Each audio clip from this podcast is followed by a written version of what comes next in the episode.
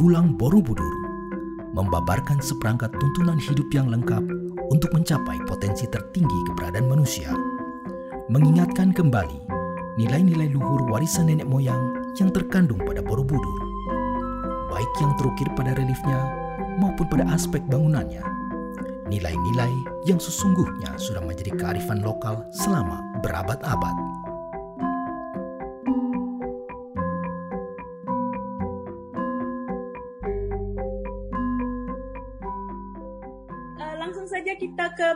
Pertama. Bagaimana Pak Salim Lee? Apa boleh Ya, saya bagaimana? apa akan lafalkan mantra yang sedikit saja supaya ini menyalami alam semesta dan kita set motivasi dan ini tradisi yang ditekankan di Borobudur yaitu ternyata hidup ini motivasi kita dalam berbuat apa pun itu penting sekali.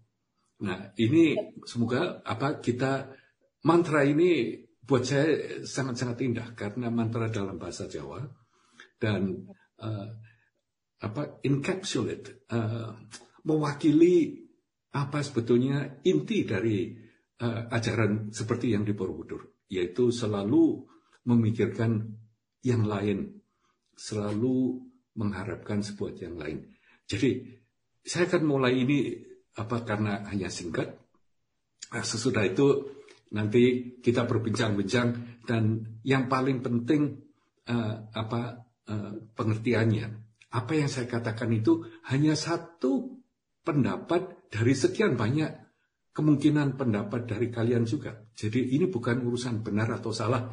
Sebetulnya kalian ini hanya tanya satu pendapat, tambahan satu pendapat saja. So, jadi itu pun juga bukan karena saya tahu lebih banyak, tapi mungkin loh, mungkin saya tahu lebih dulu dari kalian. Jadi ini bukan ada sesuatu yang baru atau gimana. Oke. Intinya kita bayangkan ya, eh, semua nenek moyang kita waktu bikin Borobudur itu punya tujuan. Tujuannya ini apa? Semakin kita pelajari, tujuannya ini semakin jelas bahwa akan memberi pegangan, memberi pedoman untuk masyarakat di waktu itu untuk bisa hidup ini mempunyai arah dan mempunyai arti. Dan untuk itu uh, dibangun semacam itu karena Borobudur itu tidak dibangun untuk merayakan kejayaan atau menang perang atau pamer kekuasaan, pamer itu bukan. Ini semuanya tujuannya ini ingin supaya bisa digunakan sebagai representasi dari kebajikan itu sendiri. Makanya uh, saya sebentar apa dengan mantra ini uh, cuma uh, sangat singkat dalam bahasa Indonesia, makanya uh, bahasa Jawa, makanya dengan ini semoga motivasi kita dalam mengikuti webinar ini juga sama, yaitu apa pun yang kita pelajari, semoga kita ini menjadi lebih baik, lebih ngerti, supaya kita lebih bisa berguna, lebih bisa membantu yang lain. Oke. Okay. Om awi kenamastu mugi rahayu sakung temati. Om awi kenamastu mugi rahayu sakung temati. Om awi kenamastu mugi rahayu sakung temati. Oke. Okay. Sekarang silakan Yuli pertanyaannya yang mau dibacakan. Jadi ya Pak Salim ya, ini banyak sekali pertanyaannya dan sangat-sangat berbobot. Ya. Oke, okay. kita akan uh, pertanyaan yang pertama itu uh, datang dari saudari Yulia Nathan. Mungkin ada di Zoom ya, uh, saudari Yulia Nathan mungkin bisa uh, dinyalakan uh, videonya dan say hi mungkin supaya bisa terlihat di layar penanyanya dan teman-teman di belakang mungkin bisa dibantu disorot. Uh, Ibu Yuliana Tan ada nggak ya? Atau mungkin mengikuti YouTube di, di YouTube untuk hari ini? Ya. Oke, okay, kalau tidak ada mungkin saya langsung aja. Silakan. Ya. Memberikan pertanyaannya. Uh, Bu Yuliana Tan bertanya, tadi disebutkan, kemarin disebutkan untuk candi ada ditaruh sesajen. Ini adalah dalam Buddhis. Uh, apakah dalam Buddhis tradisi ini dan bukannya hanya sebagai penghormatan saja sesajen itu. Dan tadi disebutkan lawannya punya adalah papa. Ini maksudnya apa papa itu?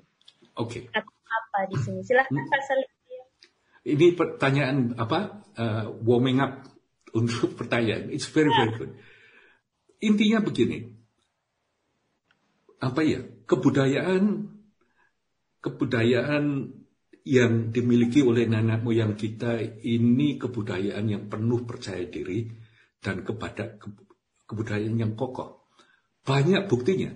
Salah satu bukti kebudayaan yang mantap yang yang kokoh ini adalah kebudayaan yang tidak menutup uh, sesuatu yang baru dari luar, tidak langsung ditelan gelondongan, tidak selalu ditolak mentah-mentah hanya karena lain, tapi juga kebudayaan yang begitu mantap adanya diri sendiri, lalu selalu menghormati dan menghargai tradisi. Nah, ini kebudayaan nenek moyang kita ini seperti ini. Makanya Borobudur ini tidak ada duanya dalam arti kata karena ini di Nusantara. Dan di waktu itu, makanya mencerminkan keadaan waktu itu tidak mengkopi yang ada di India, tidak mengkopi yang ada di mana-mana, tapi kebudayaan itu. Salah satunya mengenai, uh, jadi ya, ciri kebudayaan seperti itu, itu biasanya yang menghargai tradisi. Jadi ada sesuatu yang baru yang datang pun ini dipelajari, diambil yang berguna, diadaptasi, kemudian dilebur menjadi kebudayaan lokal. Dan ini sangat-sangat luar biasa. Nah, sesajen, kata sesajen ini dari kata saji, right? dari puncak.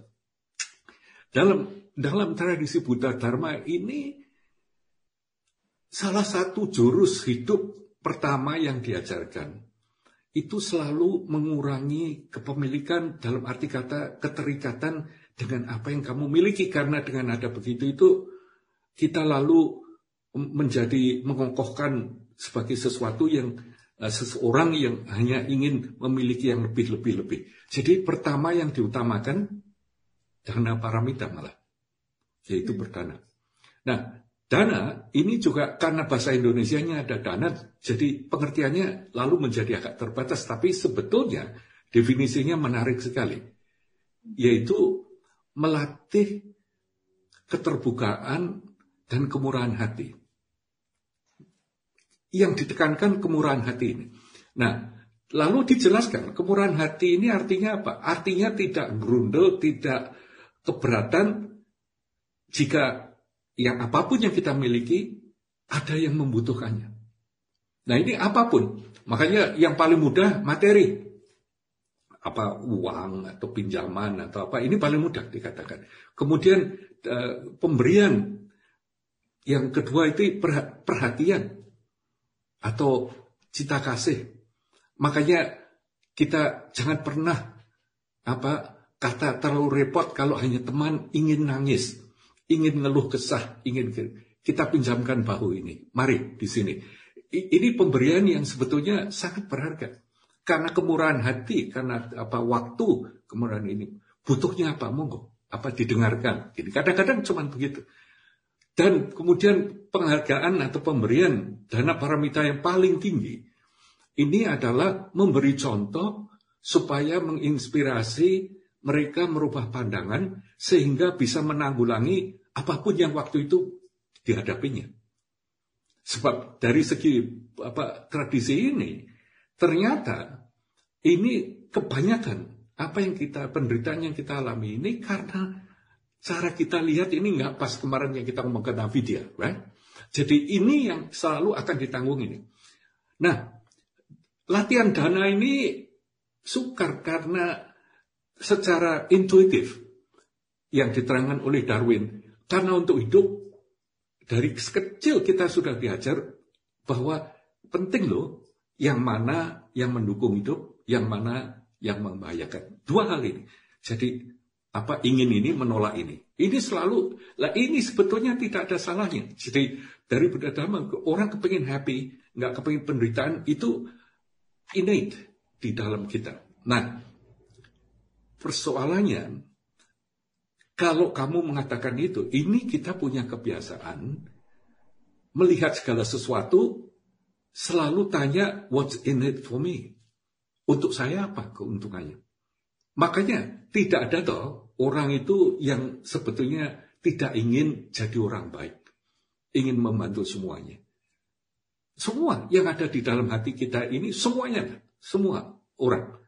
Itu hanya kebajikan sebetulnya hanya ingin berbuat kebaikan untuk yang lain. Tapi payahnya karena kita terlalu ngokoh bahwa yang penting itu saya. Maka apa-apa selalu dinilai dari untuk saya apa ini di sini. Lalu latihannya gimana? Latihannya dengan memberi, membuka hati.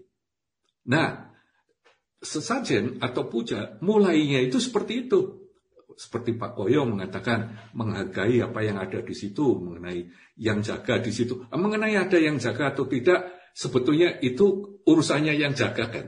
Tapi dari kitanya betul-betul memikirkan seandainya ada yang jaga ini yang terbaik saat ini ini yang mau kita ajukan.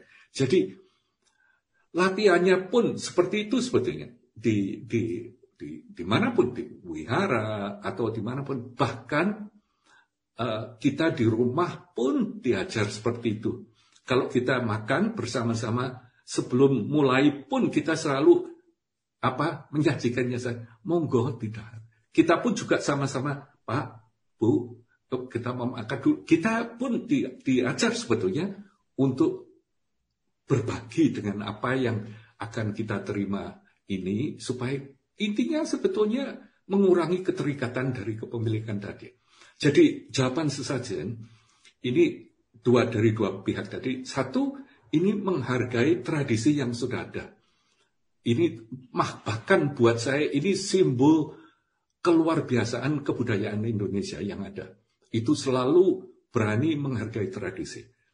Dan tradisi ini dipupuk. Nanti pun tradisi akan banyak yang hilang. Kalau yang hilang berarti yang sudah tidak relevan. It's okay. Sebab ini pun tidak perlu dikokohi, harus seperti ini terus-menerus. Kolak itu bukan begitu. Tapi yang kedua, yang lebih penting latar belakangnya ini melatih memberikan dana. Maka sesajen dalam Buddha Dharma diurut ke bawah dan diurut ke atas. Maksud saya begini. Biasanya kalau kita bilang saja lah kebiasaan kewihara ya, mau sesajen buah gitu kan. Biasanya nih, bukan saya ngomong Lupa kalau latihannya itu latihan supaya kita lebih bermurah hati. Tapi biasanya punya karep. Lah punya karep ini juga agak gak fair. Apa? Tradisi. Mau lulus, bawanya cuma AC. Nah kan dia murah. Makanya kadang-kadang budaya kan tangannya begini kan ya. Bilang, no, I don't want. No, no, no. Ini joking saja, saya joking. Tapi artinya dalam pikiran kita ini kalau nggak ngerti apa bahwa offering ke sana itu malah sebetulnya tidak begitu sehat. Karena intinya mau dagang, mau negosiasi. Saya kepingin menang kontrak, ini loh 2 liter minyak. Atau 5 lilin. Atau apa. Tapi tujuannya sebetulnya bukan seperti itu. Sebetulnya maka, makanya di, di Jawa itu banyak sekali apa tradisi yang luar biasa? Malah kaulan gitu. Ini kalau ini gini lalu begini. Ini artinya berterima kasih sambil berdana. Nah kalau nggak bisa begitu malah di Buddha Dhamma diajarkan ya sudah kalau masih keberatan beli buah apel atau minyak air saja. Air ini kan nggak berarti apa-apa. Bukannya apa klenik bukannya apa ini air. Itu hari asalnya sesuatu yang baik tapi saya ingin berbuat sesuatu melatih dikuranginya keterikatan ke, ke barang kepemilikan. Air saja. Malah turun ke bawah lagi. Kalau air nggak bisa, masih tetap pakai dibayangkan saja. Ya kan enak kan ini. Udah nggak ongkos air sudah paling murah, dibayangkan saja. Dan di, kalau malah dianjuri, kalau kamu dibayangkan, jangan tanggung-tanggung. Kamu kalau membayangkan yang kamu berikan, itu seluruh jagat raya dengan segala keindahannya.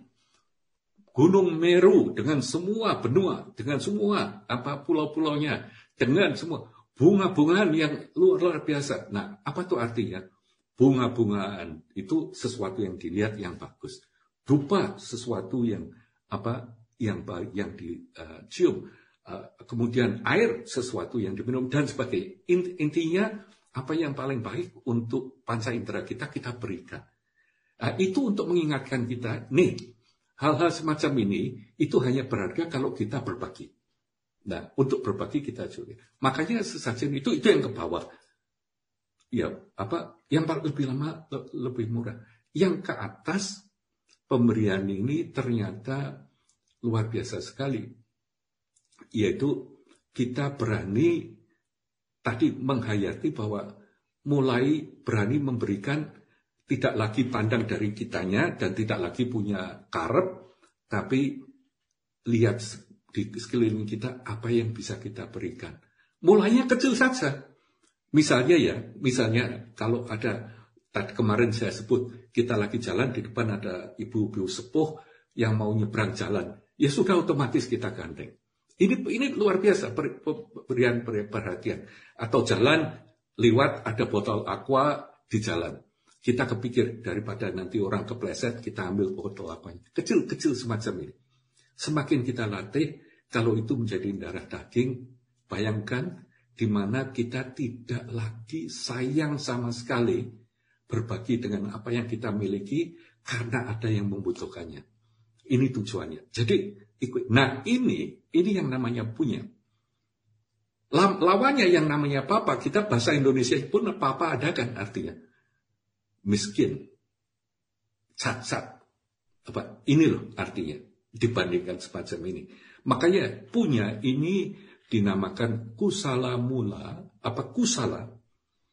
Atau apa sesuatu yang bajik yang kemudian menjadi yang namanya punya sambara dikumpulkannya ini daya ini yang membuat hidup kita ini nanti karena kita kan harus membuat keputusan-keputusan kan ya dalam hidup ini yang mendorong kita membuat keputusan A yang nantinya nyaman itu hanya karena kita pernah berbuat sesuatu yang membuat orang lain nyaman atau nyaman tidak Jadi logis, logis sekali.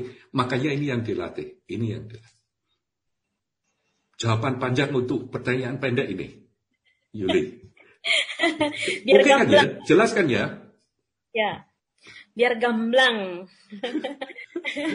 Dan ya, jadi gimana Pak Salim? Apa sampai di situ eh, jawaban untuk ini atau mau ditambah? Jadi jawabannya begini. Untuk saya ya, adanya sesajen dalam apa upacara Buddhis dan segala macam itu sesuatu yang luar biasa karena punya dua aspek. Satu menunjukkan kebesaran dari kebudayaan kita, kebudayaan Buddhis apa apa pun yang sebut, terutama kebudayaan Nusantara yang menghargai tradisi. Karena tradisi sajen ini sudah ada sejak lama kan. Dari dulu seperti Mbah Koyo yang ngomong di video tadi sebelumnya. Saya juga kalau berbicara-bicara dengan beliau ngomong itu benar-benar kalau kita ke gereja itu lihat sajian di mana-mana yang bau rekso begitu. Nah, itu satu. Jadi melihat sesuatu kebudayaan jangan lupa loh yang namanya kebudayaan Buddha Dharma ini kebudayaan asing. Dari India datangnya. Kita kan nggak usah terus kalau ngomong geleng-geleng kepala kan nggak usah kan. Mm. dan apa-apa kalau mau ngomong apa-apa langsung nari. Saya senang Bollywood itu kan gitu. Susah ya nari, senang ya nari. Tapi kan kita nggak usah seperti itu karena kita kokoh dengan kebudayaan kita sendiri. Tetap jadi orang orang Indonesia, tetap jadi apa kebudayaan Nusantara. Ininya di, di apa apa tetap dilakukan. Satu dilambari dengan pengertian bahwa ini latihan dana paramita. Ini latihan Baik yang misalnya kebudayaan ya nggak cuman sesajen atau sembayang dalam tradisi Tionghoa. Sama juga. Itu tradisi, tapi kita lambari dengan pengertian dana paramita. Makanya juga mungkin bentuknya lain. Ya, kalau dulu harus pakai potong ayam segala macam. Sekarang juga mungkin itu tidak dilakukan lagi karena tahu bahwa ini ada efeknya yang jelas. It's okay kan? Berarti tradisinya tetap kita hargai. Kebudayaan yang menghargai, untuk saya kebudayaan yang menghargai tradisi adalah betul-betul kebudayaan agung. Peradaban yang yang agung. Jadi dua hal, satu menghargai peradaban, kedua melatih dana paramita tadi mengenai sesajen. Terus yang mengenai, makanya ini disebut pengumpulan punya dengan menghargai itu mengumpulkan daya kebajikan dan ini yang itu kemarin saya sebutkan karena lawannya ini yang namanya papa. Papa ini yang pelit, ya, yang misrupu, yang miskin, yang begini. Berarti jadi kalian kalau mau jangan cuma baca ngerapal definisi dana paramita begini. Tapi ini loh, kalau teman lagi murung, kalau kamu datang, kadang-kadang nggak perlu kok ngomong apa-apa. Hadir saja, kita dengarkan. Itu kan luar biasa sekali kan. Kita pun kalau lagi down, ditemanin teman itu kan bagus sekali. Nah ini loh dana paramita latihan semacam ini. Ini juga sama dengan sesajen begini.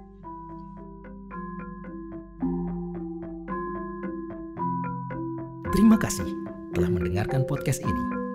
Dengan mempelajari dan menerapkan nilai-nilai yang terkandung pada Borobudur dalam kehidupan sehari-hari, berarti kita telah ikut melestarikannya. Ikuti terus podcast Bumi Borobudur berikutnya